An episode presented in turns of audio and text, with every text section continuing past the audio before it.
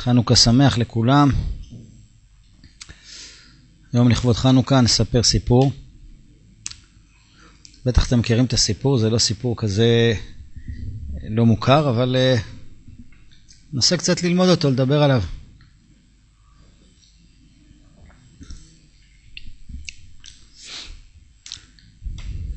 סיפר רבנו ז"ל, פעם אחת חלם לאיש אחד מעיר אחת, שבעיר וינה, תחת הגשר, נמצא שם אוצר. שמעתם את זה בטח. מה כבר אפשר להגיד על זה, אה? ונסע לשם, ונעמד אצל הגשר, וחיפש עצות איך לחפור שם. כי ביום אינו יכול מחמת העוברים ושבים. עבר שם איש חי ושאל אותו, מה אתה עומד וחושב? חשב בדעתו שטוב שיספר לו חלומו, כדי שהוא יסייעו ויתחלקו. סיפר לו. ענה ואמר לו, או יהודי טיפש, מה אתה שם לב לחלומות? גם אני חלמתי על איזה אוצר שנמצא בבית של איזה יהודי, אז הוא הזכיר את השם של האיש הזה, של העיר שלו. השתומם היהודי, נסע לביתו חפר ומצא את האוצר.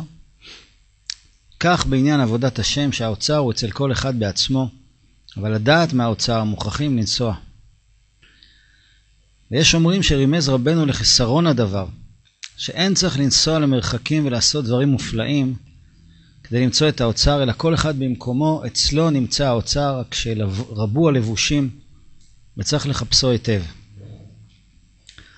טוב, אנחנו, אנחנו מאמינים שכל הסיפורים של רבנו הם מתאימים לכל אחד, כל מה שעובר עליו, יש עומק גדול מאוד בסיפורים. בפגישה הראשונה של אה, רבי נחמן עם רבי נתן, אז הוא אמר לו שאפשר לפרש את הדברים שלו בצורה עמוקה. אז אנחנו ננסה. רבי נחמן לא פירש את הסיפורים שלו, אבל הוא אמר שאפשר, כל אחד יכול לפרש כפי שהוא יכול אה, להבין, להתבונן. אנחנו רואים שמה שמתחיל את הסיפור זה חלום. כמו שיש לנו עכשיו בפרשות, חלומות של יוסף, חלומות של שר המשקים, שר האופים, חלום של פרעה. יש הרבה חלומות בפרשות האלה. סך הכל חלום זה דמיון. ועל פי רוב החלומות הם לא, אין להם משמעות, הם רק הסך הכל של כל מיני דברים שאדם חשב, וכל מיני כישורים וכל מיני דמיונות, וגם זה מושפע מהאוכל שבן אדם אוכל. חז"ל אומרים דברי חלומות לא מעלים ולא מורידים. אבל בכל אופן יש גם חלומות שהם אה, מובילים את האדם לאנשהו. החלום בסיפור שלנו הוא חלום דמיוני לגמרי. כי אנחנו רואים מהסיפור שבאמת החלום הזה הוא שקר. מה שמתחיל להזיז את הבן אדם הוא לא אמיתי. למה? כי האוצר שלו באמת לא נמצא שם. הוא חלם שבאיזה עיר רחוקה, מתחת לאיזה גשר, הוא ימצא את האוצר שלו. אבל האוצר שלו לא היה שם. אבל בכל אופן זה מה שהזיז אותו. אז אפשר לומר שבמציאות שלנו, החלומות שלנו הם כאלה, שמה שמזיז אותנו בהתחלה זה דמיון. כי אנחנו נמצאים שקועים בתוך עולם של דמיון. ורבי נחמן כותב בתורה כ"ה, שההתחלה של הכל זה שאדם נמצא בתוך דמיון.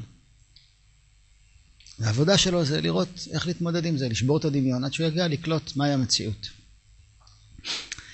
אז כאן, אם נסתכל על, על המהות של החלום, באופן הפשוט ביותר, החלום הזה אומר כך, בשביל למצוא את הטוב שלי, בשביל למצוא את האוצר שלי, בשביל למצוא את הישועה שלי ואת ההצלחה שלי, אני חייב ללכת מפה. אני חייב אה, לנסוע, אני חייב להתרחק. ואם אני אתאמץ, מה זה, מה זה נקרא לנסוע למרחקים? אם אני אסע למרחקים, אני צריך להתאמץ בשביל זה. זה ייקח לי זמן, אני צריך להוציא כסף, זה כרוך בהתמודדות. אם אני נורא אתאמץ ואסע למרחקים, אז אני אגיע למה שאני צריך להגיע. אבל לא יכול להיות שכל מה שאני צריך נמצא כאן אצלי. וזה לא יכול להיות שבשביל להגיע למה שאני צריך להגיע בחיים, אני לא צריך להתאמץ. אני חייב להתאמץ, חייב להתאמץ, והרבה פעמים אדם מרגיש שמה שנדרש ממנו זה בכלל למעלה מכוחותיו. לא רק שנדרש להתאמץ, הוא מרגיש שלא משנה כמה הוא יתאמץ, החיים וההתמודדויות, והבן זוג והילדים והעבודה ו- ו- והרוחניות, והדיאטה, ועל להפסיק לעשן, ועל להתחיל לשמוח, וכל דבר זה גדול עליו, כי אין לי כוח לזה. מרגיש שני דברים, אחד, שמה שצריך לעשות זה להשקיע הרבה מאמץ, ושתיים, שהמאמץ הזה הוא למעלה מכוחותיו. ואז הוא מתייאש. אבל הגיבור שלנו לא מתייאש, הוא משקיע זמן, הוא משקיע אנרגיה, והוא נוסע. אז יש מושג שרבנו כותב בתורה פ"ו, כשיש קטנות ופגם אמונה, צריכים לעשות עבודות קשות. אז בעצם כאן רבנו מגלה לנו איזושהי תבנית של תפיסה, שאנחנו נגיד לה בקיצור, או אמונה או עבודות קשות. מה זה עבודות קשות? עבודות קשות זה מאמץ, מאמץ. אנשים רוצים להרגיש חיות, רוצים להרגיש חיים, אז הם נוסעים לטייל בעולם. מתאמצים, אוספים כסף, נוסעים, הולכים לפה, הולכים לשם. גם בתוך עולם הקדושה, אנשים חושבים, בשביל להגיע למטרה שלי, אני צריך נורא להתאמץ, אני צריך ללמוד הרבה, אני צריך להספיק הרבה, אני צריך uh, לעשות דברים שקשה לי, צריך לגמור כל תהילים, אני צריך לגמור את הש"ס, אני צריך לא לכעוס לעולם, לא לדבר לשון הרע. ו... אני צריך נורא נורא להתאמץ, ואז אני אהיה צדיק, ואז זה יצליח לי. אם אני אתאמץ, אז, אז זה טוב. זה סימן שאני בכיוון. למה? כי באמת המטרה היא רחוקה, ואם משהו רחוק, צריך להתאמץ בשביל להגיע אליו. ככה זה עובד. ככה זה עובד. אבל זה באמת רק דמיון, כי אנחנו רואים בסיפור שהאוצר לא נמצא שם. הגמרא אומרת ככה, הגמרא במסכת יומא כותבת ככה, כתוב, פסוק אחד כתוב, וברדת הטל על המחנה לילה, ירד המן עליו. זאת אומרת שעם ישראל היו במדבר, ירד להם מן מן השמיים, וככה זה היה מתבצע. ירד טל, ועליו ירד מן. אחר כך אומרת הגמרא, יש עוד פסוק, ויצא העם ולקטו. אחר כך כתוב, ושתו העם ולקטו. אז רש"י אומר, ברגע שכתוב שירד טל ועליו ירד מן, אז זאת אומרת שזה היה בתוך המחנה, זה, זה היה פה, זה היה כל אחד, זה היה לידו. לא היה צריך להתאמץ, לא היה צריך ללכת לשום מקום. אבל אחר כך כתוב בפסוק אחר על המן, ויצא העם ולקטו. אז צריך ללכת למקום אחר לחפש את זה. ואחר כך כתוב עוד פסוק, שתו העם. איפה זה? שתו העם ולקטו. שתו זה למקום רחוק. כמו שכתוב באיוב, מישות בארץ. אז איך זה מסתדר? פסוק אחד כתוב שהמן ירד, כל אחד ירד ככה בקלות, פשוט נחת. פסוק אחר אומר צריך לצאת לחפש את זה, פסוק אחר אומר צריך ללכת למרחקים בשביל לחפש את זה. אז מה קורה? מה האמת? אומרת הגמרא, צדיקים ירד על פתח בתיהם, בינונים יצאו ולקטו, רשעים שטו ולקטו. זאת אומרת, השפע שהיה מגיע לכל אחד, הוא לא היה מגיע לכל אחד באותה צורה. הוא היה מגיע לכל אחד לפי האמונה שלו. אחד שהיה מאמין שמה, השם טוב, לא צריך להתאמץ. השם אוהב אותי, אז בטח שהוא ידאג לי. הוא האמין בזה, אז פשוט כל מה שהיה צריך ירד אליו עד פתח הבית. אחד אמר, כן, השם טוב, אבל בכל אופן, צריך נורא להתאמץ, וזה, אתה יודע, אני לא צדיק, וחייב לעשות משהו שיוכיח שאני ראוי. אז בגלל שהוא חשב את זה, אז זה כבר לא ירד לו ליד הבית, הוא יצא, הוא ראה השכן שלו לוקח את כל מה שהוא צריך מליד הבית, והוא רואה, ליד הבית שלו אין כלום, אמר, הנה, בבקשה, אמרתי לכם, אני לא, לא מגיע לי. אני לא, לא מאלה שמגיע להם. אני צריך ללכת ולחפש, אני צריך ללכת למסעות. קר לי, ואני, ואני מעדיף להישאר בבית המחומם, אבל אני חייב לצאת לקור. חם לי, ואני מעדיף להישאר בבית הממוזג, ואני צריך לצאת החוצה. והוא יצא, ובסוף, אחרי איזושהי תקופה של חיפוש, מצא. ויש כאלה שאמרו, אנחנו מה זה גרועים? לא מגיע לנו כלום, אין סיכוי שאי פעם מגיע לנו איזה טובה. אנחנו יודעים מי אנחנו, אנחנו לא, לא שווים כלום. אז הם קמו ויצאו וחיפשו ולא מצאו וחיפשו ולא מצאו עד שהם הגיעו להודו, רק בהודו הם לא מצאו כלום גם כן. אבל, אבל הם, הם יצאו וחיפשו. אז הנה תראו דבר של פלא. המרחק שאתה צריך לעבור בשביל להגיע למה שאתה צריך, הוא תלוי בכמה אתה חושב שזה באמת יגיע אליך. ואם תגידו, רגע, אבל מה, אין כזה דבר של מגיע ולא מגיע? אז יש לנו פסוק בתהילים. פסוק בתהילים אומר, הבוטח בהשם חסד יסובבנו. אומרים המפרשים, לא כתוב בפסוק הבוטח בהשם והוא צדיק וראוי על פי מעשיו חסד יסובבנו. כתוב הבוטח. אתה בוטח, לא משנה. מה, אבל לא מגיע לי. ברור שלא מגיע לי. לא מגיע לי כלום. כמו שלילד לא מגיע אה, כל מה שההורים שלו נותנים לו, כי הוא לא עבד והוא לא משלם על זה. ילד אה, יכול להגיד להורים שלו, תשמעו, אתם חייבים לי אה, לדאוג לי. תשמעו, אתם חייבים לי. למה, מה עשית? שילמת על זה? לא, אבל אתם ההורים שלי. אתם אוהבים אותי. אז מי ידאג לי אם לא אתם? זה לא בקטע של מגיע לי, בקטע של... זה, אתם הכתובת. אז בן אדם שמאמין שהשם אוהב אותו, והשם ברא אותו, והוא הכתובת לכל דבר ולכל טובה, אז האמונה הזאת בעצמה עוזרת לו שמה שהוא זקוק יגיע אליו בלי מאמץ יוצא דופן. זה לא אומר שאני צריך לשבת עכשיו בבית ולהסתכל על התקרה.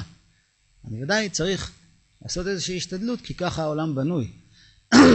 ובלי מאמץ מיותר, בלי לצאת למרחקים, בלי לעבור מסעות מפרכים, בלי לחזור הביתה גמור ולהגיד, יואו, איזה יום עבר עליי, ואז, ואז גם מה שאני מקבל זה לא מה שרציתי. בלי להגיע עם הלשון בחוץ, בלי ליפול על המיטה, גם בפרנסה וגם בכל התחומים.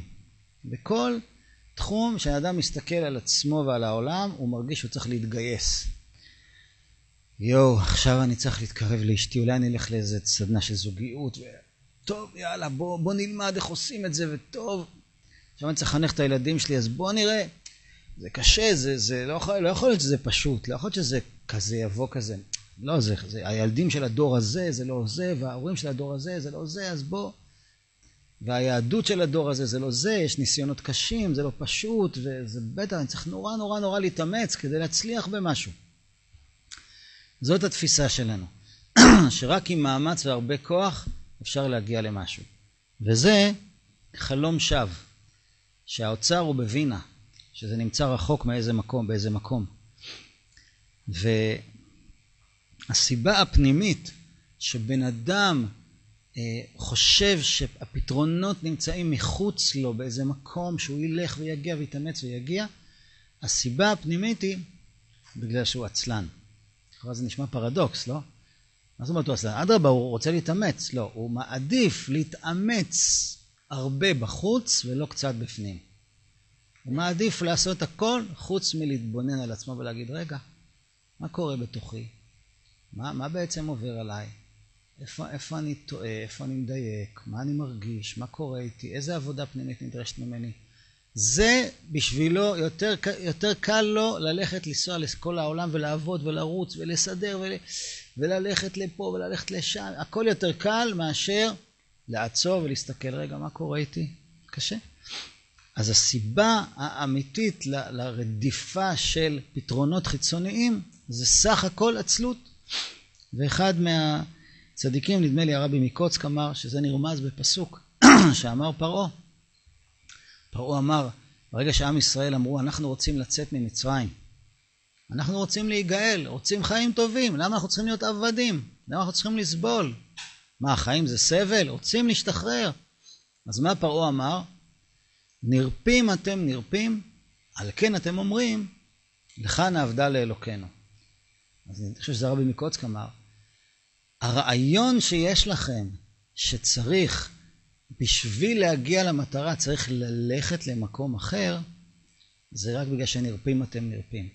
אתם אומרים, לך נעבדה, צריך ללכת למקום אחר בשביל להשיג את הטוב, זה רק בגלל עצלות, שאתם לא תופסים שהכל נמצא כאן.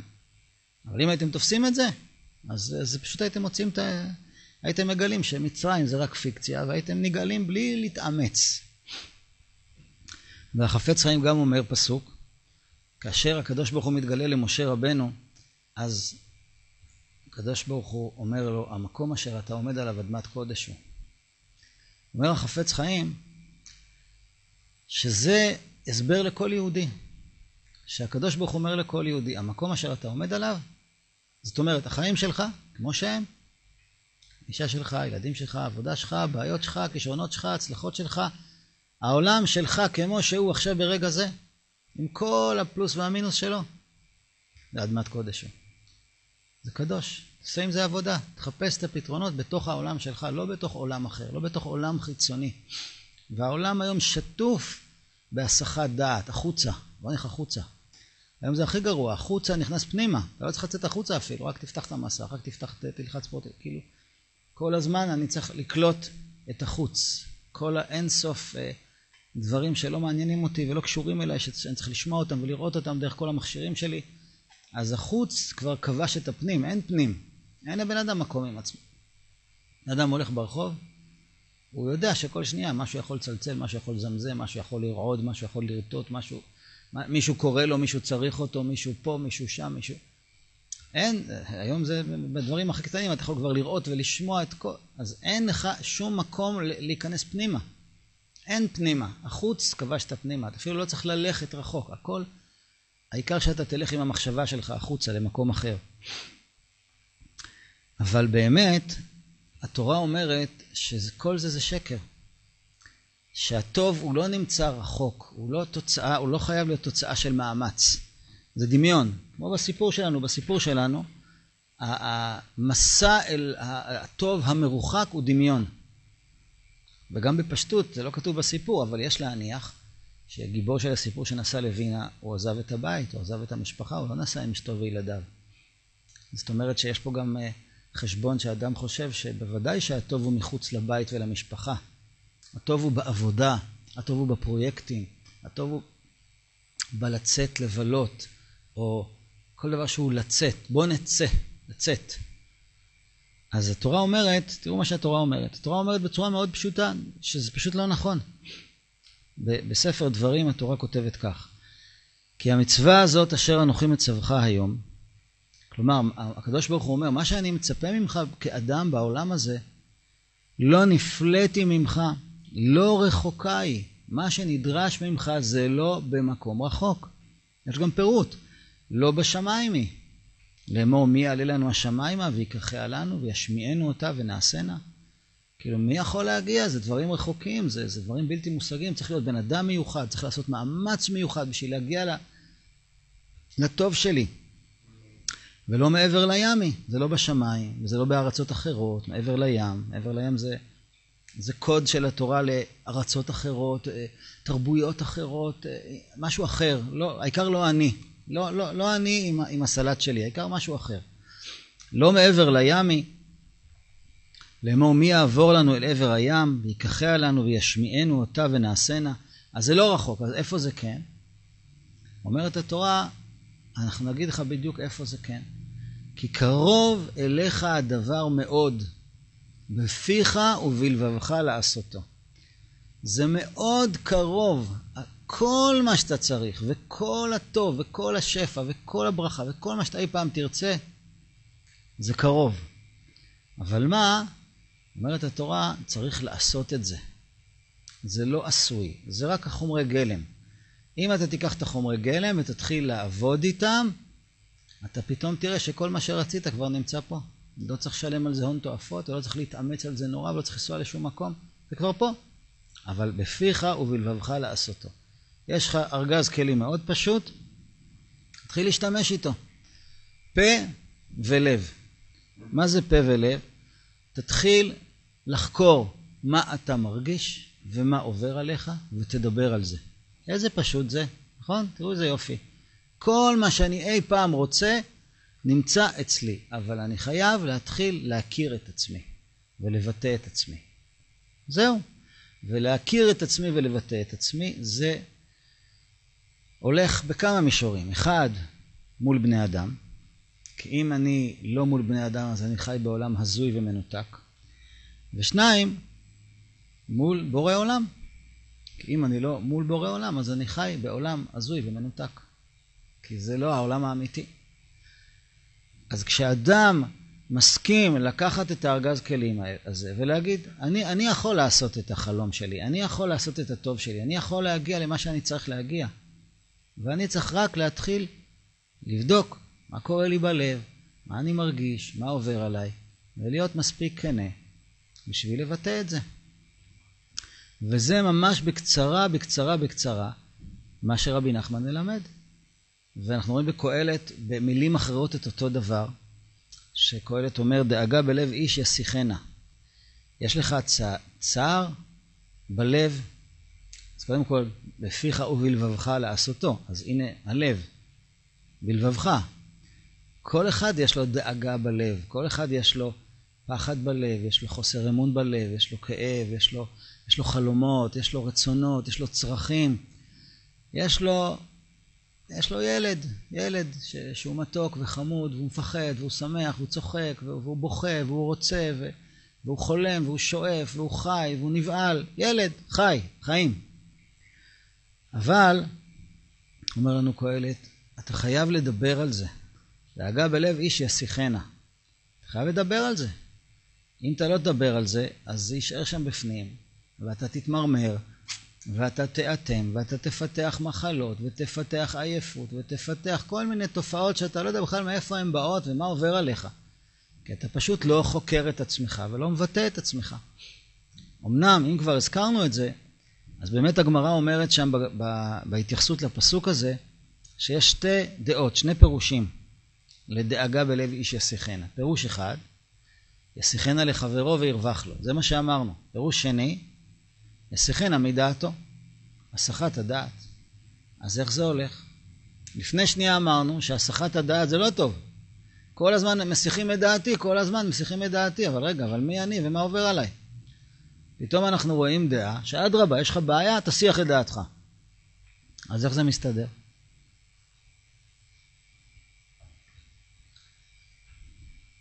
אז התשובה היא שהתורה תמיד מכילה הפכים.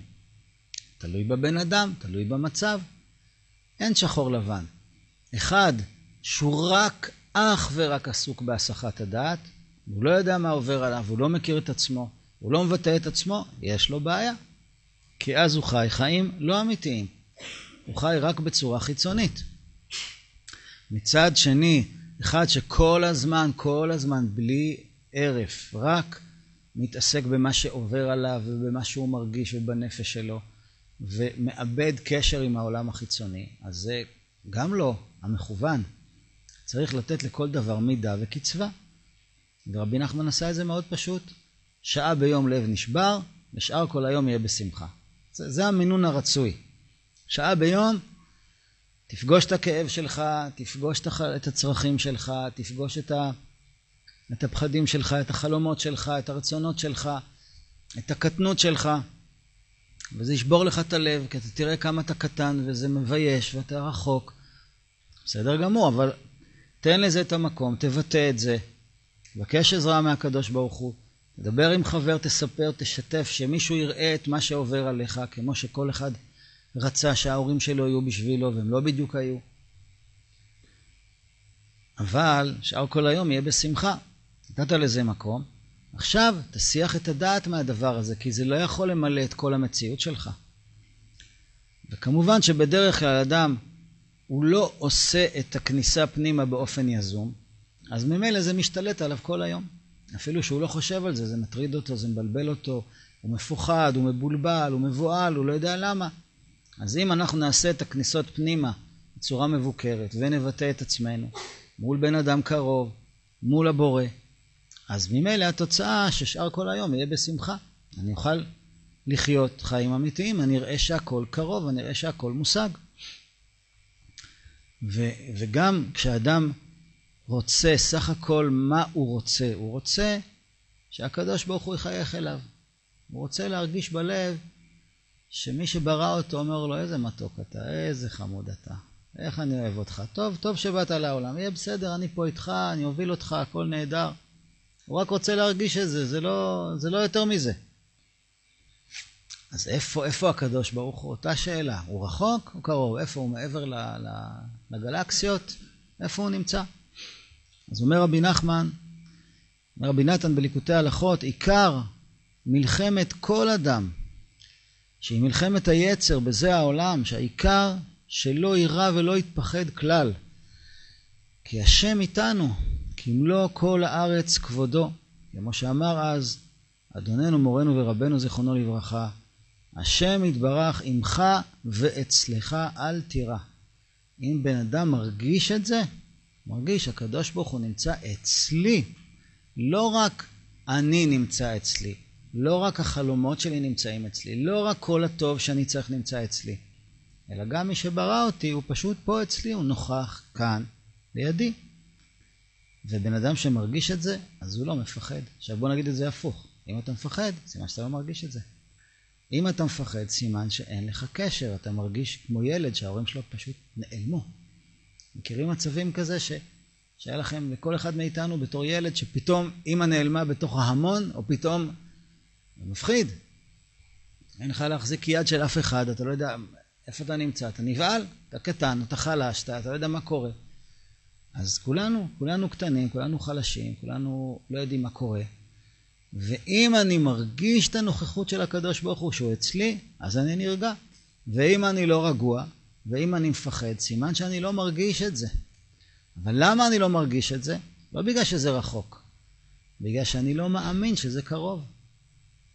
זאת אומרת, הדרך שרבי נחמן אומר, הוא אומר, אתה צריך לחזק את האמונה שלך ולאפשר לזה לקרות לך, כי אתה לא צריך לחפש במרחקים או מתוך מאמצים כבירים להגיע לדבר הזה. זה נמצא כאן, רק בגלל שאתה לא מאמין בזה, אז אתה לא מרגיש את זה. זה כמו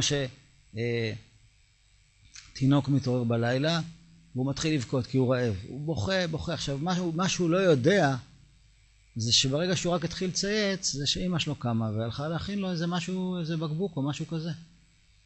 שומעים אותך, רואים אותך, אבל הוא לא יודע, הוא לא מרגיש את זה. אז מבחינתו זה, זה סוף העולם. אבל זה בסדר, אמא פה, רואים אותך. חכה שנייה, תכף, תכף נגיע, תכף מה שאתה רוצה יגיע. אז אם הוא היה מאמין בזה, אם הוא היה חווה את זה, אז הוא היה רגוע, הוא לא היה נלחץ. אבל כדי לראות את האמת הפשוטה הזאת, שכל מה שאנחנו צריכים וכל הטוב שלנו נמצא כאן איתנו ולא צריך להתאמץ בכלל בשביל להגיע לזה, רק צריך להאמין בזה ולאפשר לזה להגיע אלינו. אז אנחנו צריכים לעבור דרך הדמיון שכל אחד מאיתנו עובר, שהטוב הוא רחוק. צריך לנסוע לארץ אחרת, צריך להתאמץ נורא, צריך, צריך להיות נורא צדיק, או נורא חכם, או נורא מוכשר, או נורא מוצלח, או נורא עשיר, או נורא יפה. וככה זה בכל נקודה. שבן אדם אה, חושב שהוא צריך להיות משהו מאוד מאוד מיוחד והוא צריך נורא נורא להתאמץ בשביל להוכיח שהוא ראוי לאהבה, בשביל להוכיח ש, ש, שהוא שווה משהו, שיש לו ערך. כמה אנרגיה אנחנו משקיעים בלהתאמץ להראות שאנחנו שווים משהו. לבני זוג שלנו, לחברים שלנו, לבוס שלנו, לרחוב שאנחנו יורדים אליו. כמה חיוכים, כמה... כמה שרירים פועלים בגוף בשביל להיראות טוב. מה הסיפור? כי אני, אני, זה לא יכול להיות שבפשטות אם אני אראה את הפרצוף האמיתי שלי, אז בכלל יאהבו אותי. זה לא יכול להיות, אני חייב להתאמץ, חייב להתאמץ. ואפילו מול הבן זוג שלי. זה לא יכול להיות שהוא פשוט יאהב אותי כמו שאני, כי אם הוא יגלה מי אני, אז לך תדע מה יהיה, אז אני חייב נורא להתאמץ, להתאמץ, להיות חכם, להיות מוצלח, להיות, אה, להיות יפה, להיות מתוק, להיות עמוק, להיות... עד שאתה כבר נגמר. למה אתה נגמר? כי אתה נורא מתאמץ. כי אתה חושב שזה רחוק. במקום להאמין פשטות ש... שיש טוב, הוא נמצא והוא זמין, אז אתה חושב שזה רחוק. ואז מה קורה? מה שקורה זה כמו בסיפור, הוא מגיע לשם. הוא מגיע לשם, ואז אה, הדמיונות שלו מתגברים, והוא חושב שזה רחוק. ורבי נחמן כותב שבכל עולם ועולם, ובכל מדרגה ומדרגה, יש שם דמיונות אלו. הם הקליפות הקודמות לפרי. תמיד יש קליפה שקודמת לפרי. והקליפה שקודמת לפרי זה החיצוניות שקודמת לפנימיות. תמיד הכל מתחיל מחיצוניות. הכל מתחיל מאיך אני נראה, וכמה אני צריך להתאמץ בשביל להגיע למטרה שלי, וכמה זה רחוק, וכמה זה לא מושג, על גבול הייאוש, מה שנמצא אצלי בבית, מתחת לבלטות. תמיד זה מתחיל מחיצוניות, מקליפה. זה אגב מאוד מעניין שבקבלה לכוחות הטומאה קוראים חיצוניים. אולי זה אחד, אחד הפירושים לסגנון הזה של התעסקות בחייזרים, שגם להם קוראים אה, חוצנים. זה ממש מאותה סדרה, מאותו בית מדרש. חוצנים, חיצונים, הכל חיצוני, הכל בא מבחוץ, זה בא מהכוכבים, זה בא מהוליווד, זה בא, אני לא יודע איפה, אבל העיקר זה לא פה. אני מוכן, אני מוכן כבר להאמין בחייזרים, העיקר לא להאמין שאני קיים. שזה כאן, זה, משם יושיעו אותי, מאיזשהו מקום בחלל זה יגיע. זה נקרא חיצוניות, זה נקרא חיצוניים. טוב, נסע לשם ונעמד אצל הגשר וחיפש עצות איך לחפור, ואז עבר שם איזה חייל ואמר לו, מה אתה, מה אתה עומד? מה, מה אתה מחפש? מה קורה איתך? אז כל מי שחיפש את הטוב, את האוצר שלו ואת הישועות שלו בחוץ, או במאמץ, שהמילה חוץ שווה למאמץ, צריך להתאמץ, צריך לשלם, צריך לנסוע, צריך להוכיח, צריך, צריך לחייך, צריך ל... אז מי שחיפש את זה שם, הוא, הוא מגיע למקום שהוא רואה שאחרי כל המאמץ, והנה הוא כבר נסע לשם, אז אין שם שום אפשרות להגיע לכלום. התאמצת ושילמת ונסעת וקנית והתאפרת וחייכת ועשית שרירים ולמדת כמה שנים את התואר בשביל להראות כמה אתה חכם ועשית כל מה שאתה צריך לעשות בשביל שזה יקרה לך סוף סוף ואתה מסתכל ואומר וואי וואי אני לא מגיע, זה, זה, לא, זה לא הטוב שלי, זה לא טוב לי, לא טוב לי, זה מפחיד. נורא התאמצתי, חשבתי שזה הכל רק חיצוניות. ידע וכוח ועושר וצדיקות מדומה והספקים ו, ו, וכל מיני אליפות העולם בריצה למרחוק, בכישרונות או בכסף או בחיוכים או בעבודת השם, לא משנה מה. והנה התאמצתי נורא והגעתי לאיזה מקום שאני עכשיו מצפה שעכשיו צריך להיות לי טוב. ומה קורה? אה, אמר לו איזה חייל, תגיד, מה, מה, אתה, מה אתה מסתובב פה? מה אתה מחפש פה? אין גישה למקום הזה. זה מקום שמור, זה לא מושג. חלמת שזה בחוץ, הגעת לשם, אז יש פה שאלה. למה שלא יחפור ויגלה שאין שם כלום?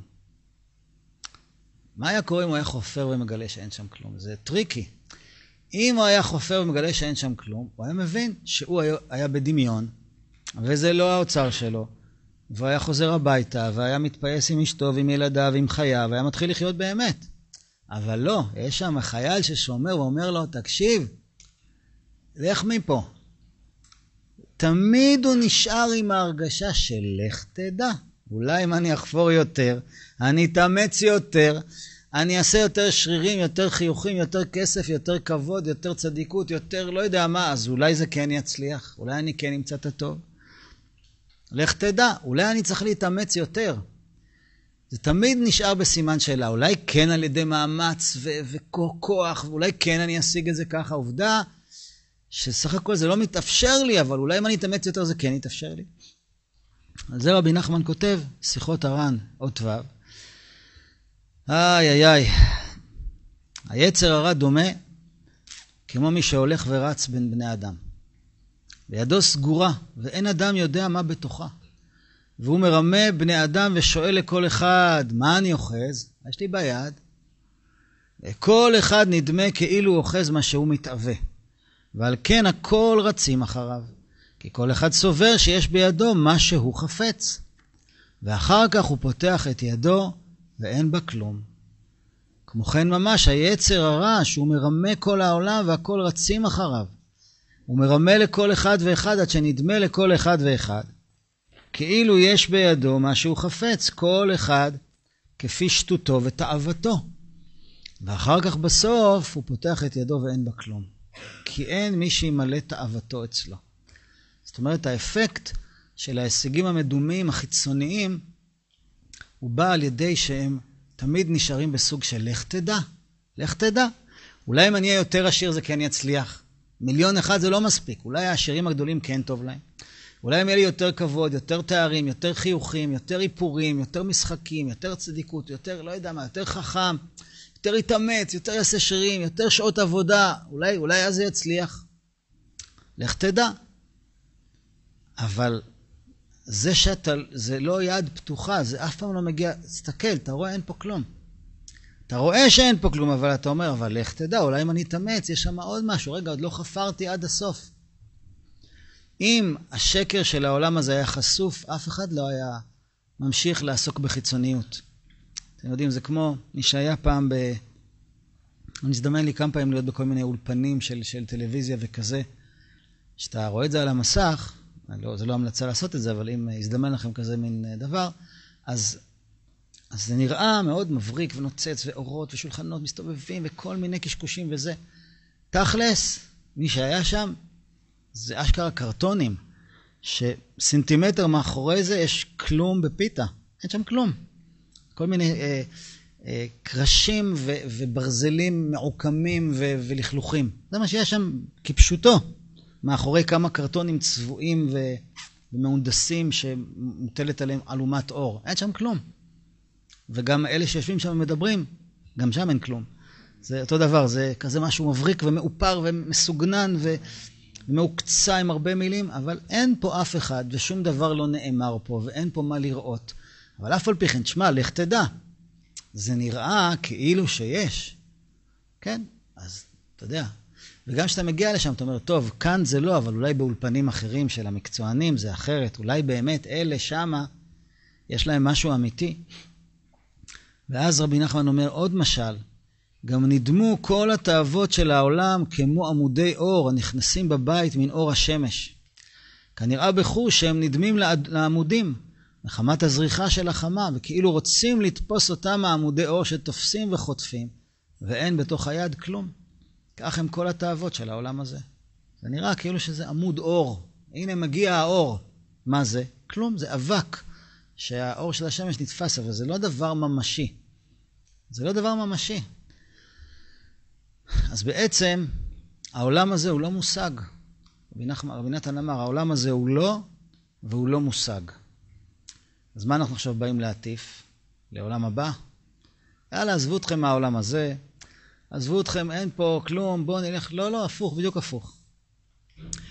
אחד מגדולי המקובלים, רבי משה קורדברו, שואל שאלה מעניינת. הוא אומר, מדוע קוראים לעולם הבא העולם הבא? אם זה מימד בזמן, בעתיד, היה צריך לקרוא לו העולם שיבוא. אבל העולם הבא זה בלשון הווה. אז מה, מה הכוונה העולם הבא? זאת אומרת, במילים אחרות, העולם שבא. מה זאת אומרת שהוא בא? זאת אומרת, אומר הרמק, באופן הכי פשוט, זה לא עולם עתידי, זה עולם עכשווי. ולא סתם שהוא עכשווי, הוא גם בא איתך במגע. הוא זורם לכיוונך. אבל אתה עסוק בקליפה, אתה עסוק בחיצוניות. אז את, את אותו עולם שנמצא כאן ועכשיו, בעצם זמין ונגיש וקרוב אליך הדבר מאוד, אתה לא רואה, כי אתה עסוק בחיצוניות. ורבי נחמן נותן אה, משל מאוד יפה, שאדם יכול להסתכל, אתם יודעים, העין לא יכולה לקלוט בו זמנית, באותה חדות, דבר קרוב ודבר רחוק. אם נגיד, אדם מסתכל מבעד לחלון על איזה הר רחוק, ועל החלון יש עכביש. אם הוא ממקד את המבט בעכביש, אז את ההר הוא רואה מאוד מטושטש. ואם הוא ממקד את העין בהר, הוא רואה את העכביש מטושטש. הוא לא יכול לראות באותה חדות את הקרוב ואת הרחוק. אז רבי נחמן אומר, תקשיב, השאלה במה אתה מתמקד. זה כל השאלה. כמו שבעין אתה לא יכול לראות באותה חדות את הקרוב ואת הרחוק, אז גם במציאות אתה לא יכול לראות בנפש, בעולם הרוחני, את הקרוב ואת הרחוק באותה מידה. אם אתה מסתכל על הרחוק, אתה כל הזמן רק רואה כל מיני דברים שאומרים לך בוא ותיסע ותתאמץ ותגיע, זה עוד מעט שמה ותראה ו... אבל אם אתה תסתכל בקרוב, תמקד את המבט בקרוב, פשוט תסתכל על מה שקרוב, תסתכל על עצמך, תסתכל על אשתך, תסתכל על הילדים שלך, תסתכל על הגוף שלך, תסתכל על הרגשות שלך, תסתכל על עצמך. תמקד את המבט שם. רק לא זה. אני מוכן הכל, אני מוכן הכל, רק לא זה. אז ברור שהחוץ ימשוך אותך. והעולם הבא, והעולם הרוחני, ו- וכל הרגשות החיוביים, וכל הנוכחות של הבורא, וכל האהבה, וכל הטוב, נמצא כאן, אצלי, בתוך ביתי, בתוך משפחתי. אלא מה? אני צריך לכבות מנועים על החוץ. אני לא יכול לראות גם החוצה וגם פנימה. אני צריך קודם כל להאמין, כמו בסיפור של המן, שיורד משמיים, שזה קרוב. קרוב אליך הדבר מאוד. אני צריך להאמין בזה. ואז מגיע השלב הבא. השלב הבא, שהחייל אומר לו, בוא תשמע, יהודי טיפש, מה אתה שם לב לחלומות? גם אני חלמתי שיש אוצר בביתו של יהודי פלוני, ומה אני, אתה חושב שאני עכשיו טיפש כמוך ללכת ולחפש את זה? אז מה, מה, מה קורה פה? קודם כל, יש פה הפתעה. אומר, רגע, זה לא שם. אבל רק שנייה, למה הוא מאמין לחייל הזה? אולי החייל הזה גם ממציא משהו? אז קודם כל הוא מבין דבר אחד, הוא מבין שבמרחקים זה נמנע. זה לא מושג. מאמץ זה לא הדרך להגיע לאן שאני צריך להגיע, ונסיעה למרחקים, ו- וכיבושים, וכוחנות, וזה לא הדרך. העובדה שאני לא מגיע לזה, לא נותנים לי, יש שם חיילים. לא מצליח. כוחנות לא עזרה לי. אז בואו ננסה משהו אחר. אבל הנה אני פתאום שומע איזה בשורה, מה הבשורה? שזה קרוב, הכל אצלי, הכל לידי. אבל שימו לב ל- ל- ל- לסכנה שיש כאן. הוא לא אומר לו בפשטות, איזה מצחיק, אתה חלמת שהאוצר שלך פה, אני גם חלמתי על איזה אוצר אצל איזה יהודי. הוא אומר לו, תשימו לב לניסוח, הוא אומר לו, תגיד לי, אתה נורמלי? מה, אתה טיפש? אתה באמת חושב? אתה לא, אתה לא צוחק. תראה, אני מסביר לך, כמו שזה שטות שהאוצר נמצא אצלך בבית, ככה זה בדיוק אותה שטות שהאוצר נמצא פה. שורה תחתונה, אני רוצה להסביר לך ברור, אין אוצרות. אתה, אתה חי בסרט, הכל שטויות. ראית שחלום אחד שבור, תדע לך, כל החלומות שבורים. והוא כבר מטרפד לו את האפשרות להאמין בזה שזה אצלו. כי הוא אומר לו, עזוב אותך, גם אני חלמתי שזה אצלך. עוד מעט תגיד לי שזה אצלך. באמת, אתה, אתה לא רציני. אז לכאורה הוא גם מגלה לו, אבל הוא גם הורס לו. כי הוא אומר לו, אין חלומות. כל החלומות זה שטויות. אין דבר כזה. הטוב לא נמצא בשום מקום. לא רחוק, ובטח לא קרוב, יהודי טיפש. מה אתה חושב? רחוק הוא לא נמצא. הפכת את העולם והתאמצת לא מצאת. אז בלי להתאמץ אתה תמצא. מה, אתה צוחק? היית חכם, היית גיבור, היית עשיר, היית יפה, היית צדיק, ולא הגעת לטוב. נורא התאמצת ולא הגעת לטוב, אז בלי להתאמץ תגיע. מה, אתה צוחק? אין מצב. זה ניסיון קשה. כי כשבן אדם לא מוצא את הטוב מתוך מאמץ, אז הסברה אומרת שהוא צריך להתאמץ יותר, ואז להתייאש, כי הוא לא מגיע לכלום. וצריך שוב פעם אמונה, להגיד, רגע, עם מאמץ לא הצלחתי, אז אולי עם אמונה. עם עבודות קשות לא הצלחתי, אז אולי עם אמונה. צריך, צ, צריך לשנות תפיסה, כי, כי יש פה סכנה של ייאוש מאוד גדול. אם מאמץ לא הצלחתי, אז ברור שאני לא אצליח בלי מאמץ, נכון? זה, זה שכל ישר. כשהתאמצתי, לא הגעתי. כשעשיתי הצגות של יפה וחכם ו- ומתוק, לא אהבו אותי. אז אם אני אגלה מי אני, אז בכלל לא יאהבו אותי. כשהוכחתי שאני חכם ומוכשר ומדהים, אז לא הגעתי להצלחה ולא היה לי טוב. אז כשאני ירפה וירשה לכלום שלי לצוף ולאפסות שלי לצוף, אז אני כן אגיע. מה ההיגיון?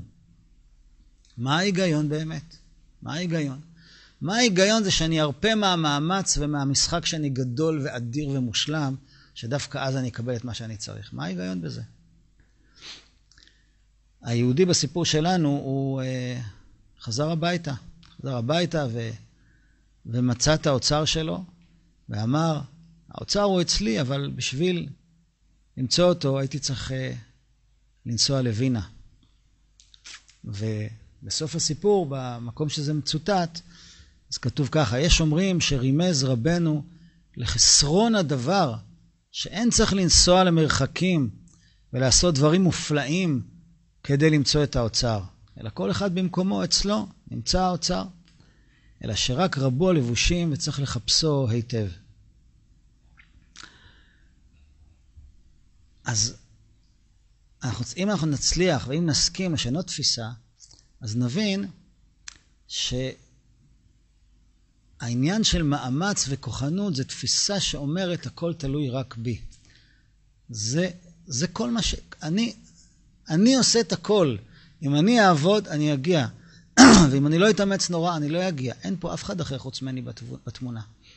זה התפיסה של היוונים. הכל חיצוניות, הכל כוחנות, הכל הישגיות, הכל תלוי בידע, בכוח, בכסף, זה, זה, או ב... גם ברוחני, אין בעיה, אתה רוצה להיות רוחני? תתאמץ, תתאמץ, תתאמץ, תגיע, זהו, יש דירוג. ואנחנו אומרים משהו אחר. כל הרצון הזה להשיג דברים בכוחנות, זה מתחיל מאחד שאנחנו לא רוצים לשרת אותו ולא רוצים לשתף פעולה איתו, והוא חופר לנו כל היום. וזה הנחש. נחש בא לחווה ואמר לה, והייתם כאלוקים. מה, את לא רוצה להיות אלוקים?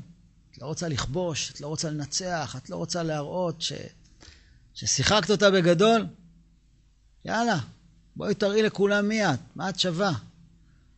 זאת ההצעה של הנחש. אני אסתדר בלי אלוקים. אני לא צריך אותו בתמונה. ואז אני, בטח שאני צריך להתאמץ, כי איך אני יכול להגיע למשהו בלי להתאמץ? הקדוש ברוך הוא לא בתמונה. אני פה מול כל המיליונים שמתחרים בי על יופי וכבוד ואהבה ו- ו- וכל דבר שאני רוצה. אני חייב להתאמץ. אבל אנחנו אומרים לא, זו השקפה של, של היהודים. המעטים ניצחו את הרבים, החלשים ניצחו את החזקים. איך הם ניצחו? סתם שאלה. גם אנחנו אומרים בתפילה, נתת גיבורים ביד חלשים. זה, זה, יש פה דבר לא, לא הגיוני.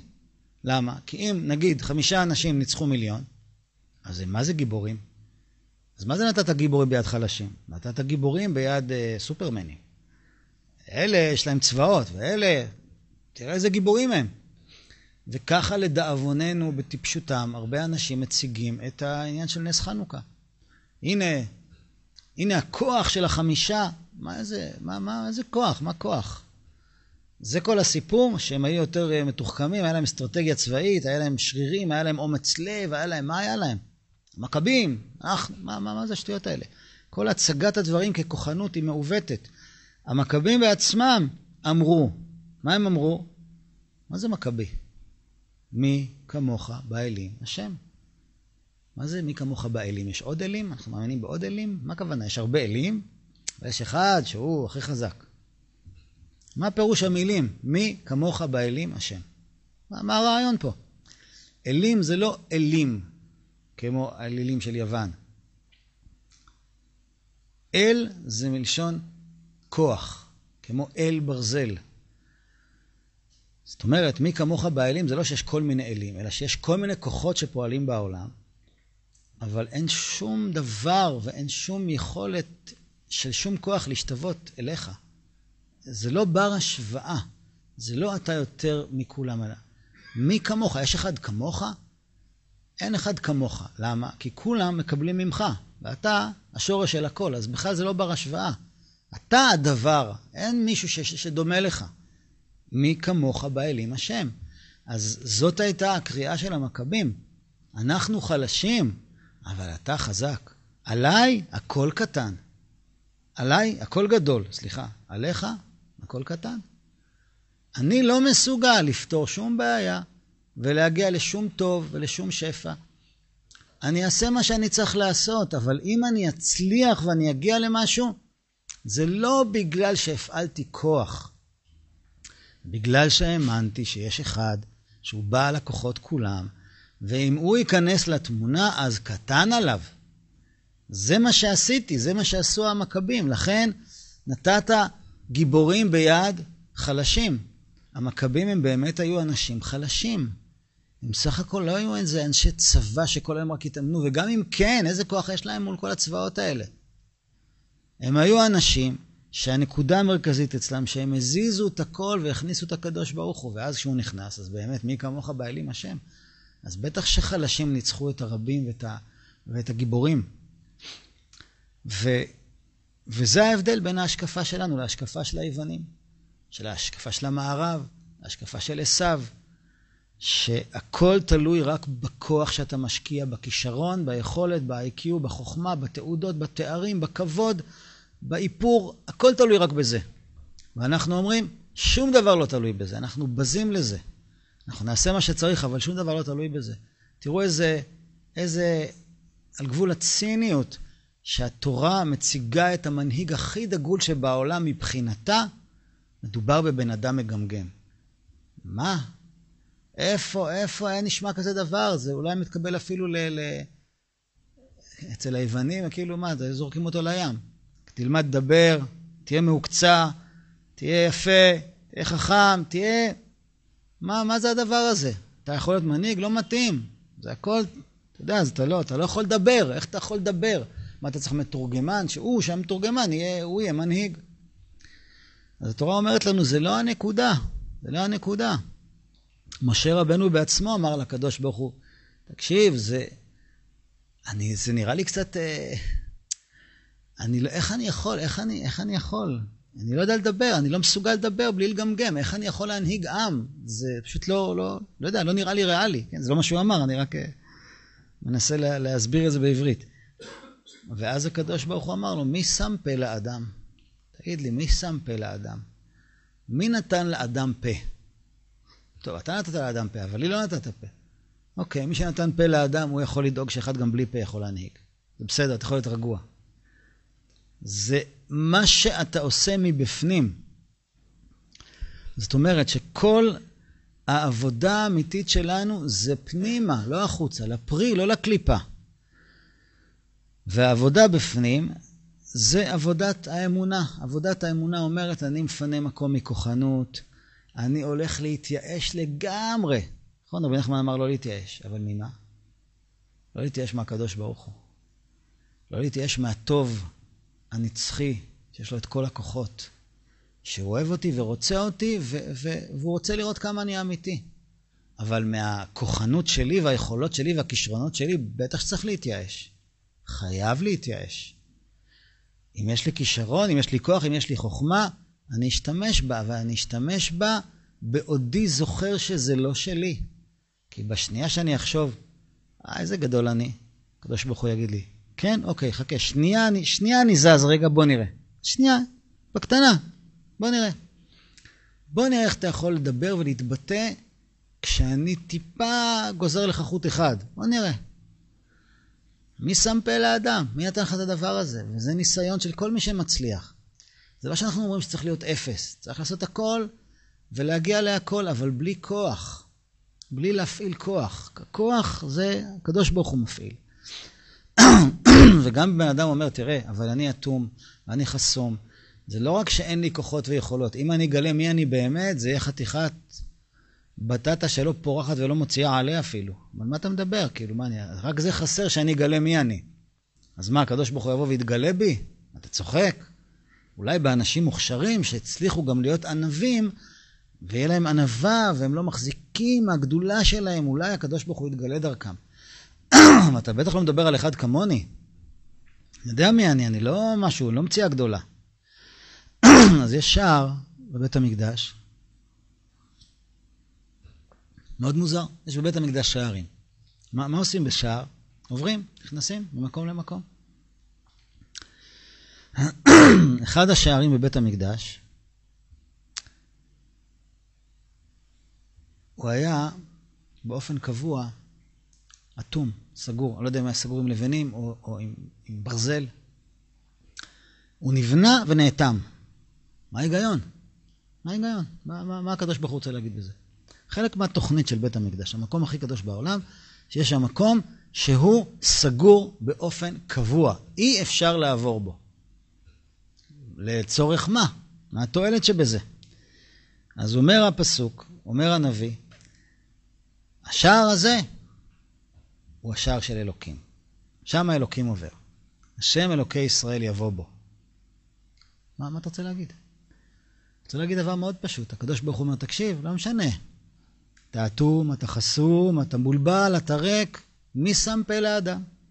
קטן עליי. אם אני רוצה, אני אהפוך אותך ל... לאור צרוף. אם אתה רוצה ותתפנה מה... מה, מהמחשבה שלך, שזה הכל תלוי ביכולות שלך, אני אעשה ממך מה שאני רוצה. אתה אטום, אז מה? אני יכול להיכנס לך גם כן בלב. אין לי שום בעיה. אתה חסום, אתה מלא שטויות, מלא טעויות, מלא בלבולים, מלא קטנות. ברור, ברור. בשביל זה אני האלוקים. בסדר, אתה יכול להתפטר. אני הגדול, אתה הקטן, רק תן לי מקום. ואז אני אתן לך מקום. ואז אני אתן לך מקום. ואז יהיה לך ניסיון גדול לא לשכוח איך אתה שם. מה אתה עושה שם? זה בדיוק הסיפורים שיש לנו עכשיו על יוסף. יוסף נמצא בכלא, יוסף נמצא בניסיונות מאוד קשים. הוא לא שוכח את הקדוש ברוך הוא. אז מגיע ניסיון מאוד קשה, שבשניות הוא עולה לגדולה. לדעתי היה צריך לקבל התקפת לב על המקום, או לצאת מדעתו. בן אדם ששנים, שנים, שנים היה שכוח, זרוק באיזה חור, בלי תקווה, בלי עתיד, כל העולם החל מהאחים שלו וכלה במעבידים שלו כל הדרך, כולם עושים לו עוול וכולם פוגעים בו. ואין לו עתיד ואין לו, על פי טבע, שום תקווה לצאת משם לעולם. פשוט רק הגורל הרע לו. ופתאום בשנייה אחת הוא מוצא את עצמו מול האימפרטור של, של ארצות שלמות, והוא אומר לו, מה דעתך לנהל פה את המדינות? כאילו, תחשבו רגע על הנפש שלו. איזה מעבר בין כלום ל- ל- לעולם מלא. זה, זה צריך להיות משבר, זה בעצמו צריך להיות משבר. אנחנו יודעים שכל מעבר חד הוא גורם זעזוע. לפי מה שאנחנו רואים את התגובות של יוסף, הוא מה זה לא הזדעזע? אמר, אוקיי, אין בעיה. זה מה שאתה רוצה? בסדר. הוא גם אומר לו, תשמע, אני מציע לך, תמצא מישהו שיטפל בדברים. הוא בכלל לא אומר,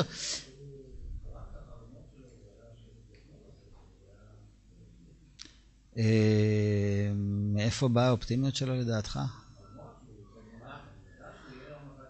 החלומות עברו כבר לפני שנים, המציאות טופחת על פניו, זה ניסיון קשה. צריך הרבה הרבה אמונה כדי להחזיק מעמד מול המציאות. אתה יודע, המציאות, המציאות לא טעמה את החלומות שלו בכלל. בכלל, בכלל. וזה בדיוק מה שאנחנו מדברים. מה קורה שאתה מאמין בטוב, אתה רוצה את הטוב, אתה חושב שזה יגיע, ו... אבל אתה רואה שהמציאות לא תואמת את זה. אתה ממשיך לחלום, אתה ממשיך להאמין. אם כן, אז הטוב יגיע. אבל אז מגיע ניסיון חדש. הניסיון החדש הוא מה אתה עושה כשהטוב מגיע. האם אתה אומר, איזה גדול אני, ומאבד את הכל. פרעה הוא לא פראייר. אם יוסף היה ממצמץ ומתרגש, הוא אומר לו, לך, אני מכיר כמוך עשר בלירה. מה אתה חושב שאני... יופי, כבר עלה לך לראש, הציעו לך איזה משרה, אני לא מתרגש ממך, אתה סתם בן אדם כמו כולם. אבל פרעה רואה שיוסף לא ממצמץ. יוסף אומר לו, תשמע, אני, אני, אני עם הקדוש ברוך הוא. אני, מי שמוביל אותי זה הקדוש ברוך הוא. ואם אני מצליח, זה הקדוש ברוך הוא. וכל אשר הוא עושה, השם מצליח בידו. הכישלון שלי זה הקדוש ברוך הוא. אני, ההצלחה שלי זה הקדוש ברוך הוא. אני, אני עם הקדוש ברוך הוא. אני פיניתי לו מקום. אני, מי כמוך באלים השם. אני לא מתאמץ, לא מתאמץ, אה, אני מתפלל, אני מבקש עזרה, אני עושה מה שאני יכול, אבל אני לא מתאמץ. אני פשוט חי ומגדל את האמונה שלי, מגדל, מגדל, מגדל, עד שמגיע הרגע שאני מקבל את כל מה שהשם רוצה לתת לי. כי אני פשוט בחרתי בדרך של אמונה. וגם שוב חשוב לציין שאנחנו מדברים נגד כוחנות ונגד מאמץ, זה לא חס ושלום הכוונה להפקרות ולחוסר מעש, ממש לא. זה לא דרך של תורה. אדם צריך לעשות כל מה שהוא צריך לעשות, לדאוג לפרנסתו ולדאוג לחינוך ילדיו ולחייו ולבריאותו ולרוחניותו, הוא צריך לדאוג להכל. אבל יש דאגה ויש עיסוק במציאות שבא מתוך לחץ ופחד וחוסר אמונה ומאמץ, כאילו הכל תלוי בי, שזה לא מביא לשום מקום. ויש שאדם הוא רווי באמונה, הוא עובד על אמונה, ומה שהוא עושה, הוא עושה מתוך אמונה ש... אני, אני אעשה, אבל אבא שלי פה בתמונה, הוא יעזור לי. לא יצליח, אני אנסה שוב. אני לא עושה את זה מתוך פחד, מתוך לחץ, מתוך, מתוך הרגשה שהכל תלוי בי. אני עושה את זה ברצינות וביסודיות, ואני לוקח אחריות על החיים שלי. אנחנו רואים שהבן של רבי נתן, רבי יצחק, היה עובד בדואר. אז סתם לקבל שנייה פרופורציה, על מה אנחנו מדברים? שרבי נתן אמר לבן שלו, תקשיב, אתה יודע, החיים שלך הם קודש, קודש לעבודה רוחנית. אתה צריך באמת, לא משנה איפה אתה נמצא, אתה צריך לשים לב להתקדמות הרוחנית שלך. אבל אני מזהיר אותך, כשאתה בדואר, רק מחשבה אחת צריכה להעסיק אותך, להיות ישר, לעשות את העבודה שלך בנאמנות, לעשות מה שנדרש ממך בצורה הכי טובה. אז שלא יובן שזה פה איזה סוג של יאללה בוא נזרום וברוחני והכל יסתדר ממילא. לא, לא. רוצים לקחת אחריות על החיים בכל התחומים, אבל לא בכוחנות, לא ב... זה תלוי רק בי ואני צריך נורא להתאמץ. אני, אני אעשה את שלי, אני אעשה את שלי. כמו שהרבי אברהם בן הרמב"ם כותב, שהוא מדבר על, על, על השתדלות, על מאמץ, להתפרנס או כל דבר אחר, אז הוא, הוא מתנסח ככה, הוא אומר שאדם צריך לעשות מה שהוא צריך, אבל תראו איזה ניסוח כל כך יפה, בלי הפרזה והתמכרות יתרה. זה, זה הניסוח של, של הפעולות. איך אני צריך לפעול בלי הפרזה והתמכרות יתרה. אל תהיה לי וורקוהוליק, אל, אל תצדק הרבה. מה זה אל תצדק הרבה? קהלת אומר לבן אדם, אל תהיה יותר מדי צדיק. אז מה, אז להיות קצת צדיק? אולי, אז מה? מה הכוונה שלך? איך? אל תתאמץ מדי. אתה תלך בדרך הישר, אתה תהיה צדיק, זה בסדר. אל תתאמץ להוכיח ואל אל תשים גז. ת, ת, תעשה את שלך, אתה תגיע לאן שאתה צריך להגיע. אל תתאמץ. כי המאמץ הוא בא לחפות על חוסר אמונה. המאמץ הוא, הוא התוצאה של פחד. הכל תלוי רק בי, אני לבד פה, אני צריך לפתור את כל הבעיות בעצמי. לא. אני צריך לעשות מה שמוטל עליי, אני צריך לקחת אחריות, אבל זה צריך להיות מדוד וסביר מתוך אמונה. ואם אני עושה את הדבר הזה, אז אני מגלה שהכל קרוב והכל אפשרי, ולא נדרש ממני מאמץ מעל לכוחותיי. כשאדם נכנס לתפיסה שרק מאמץ יוביל אותו למטרות שלו, אז הוא מתחיל להתאמץ יותר מדי, ואז הוא מאבד כוח והוא מתייאש, הוא אומר, מה, אני, אני לא... אני, ברור שצריך נורא להתאמץ, אבל אני לא מגיע. לא, לא. לא צריך נורא להתאמץ. צריך לגדל את האמונה, וצריך לפעול בלי הפרזה והתמכרות יתרה. תוסיף לזה סבלנות, הכל יגיע, הטוב יגיע. בעזרת השם, שנזכה לכל הטוב שבעולם, שיהיה לכולנו חנוכה שמח.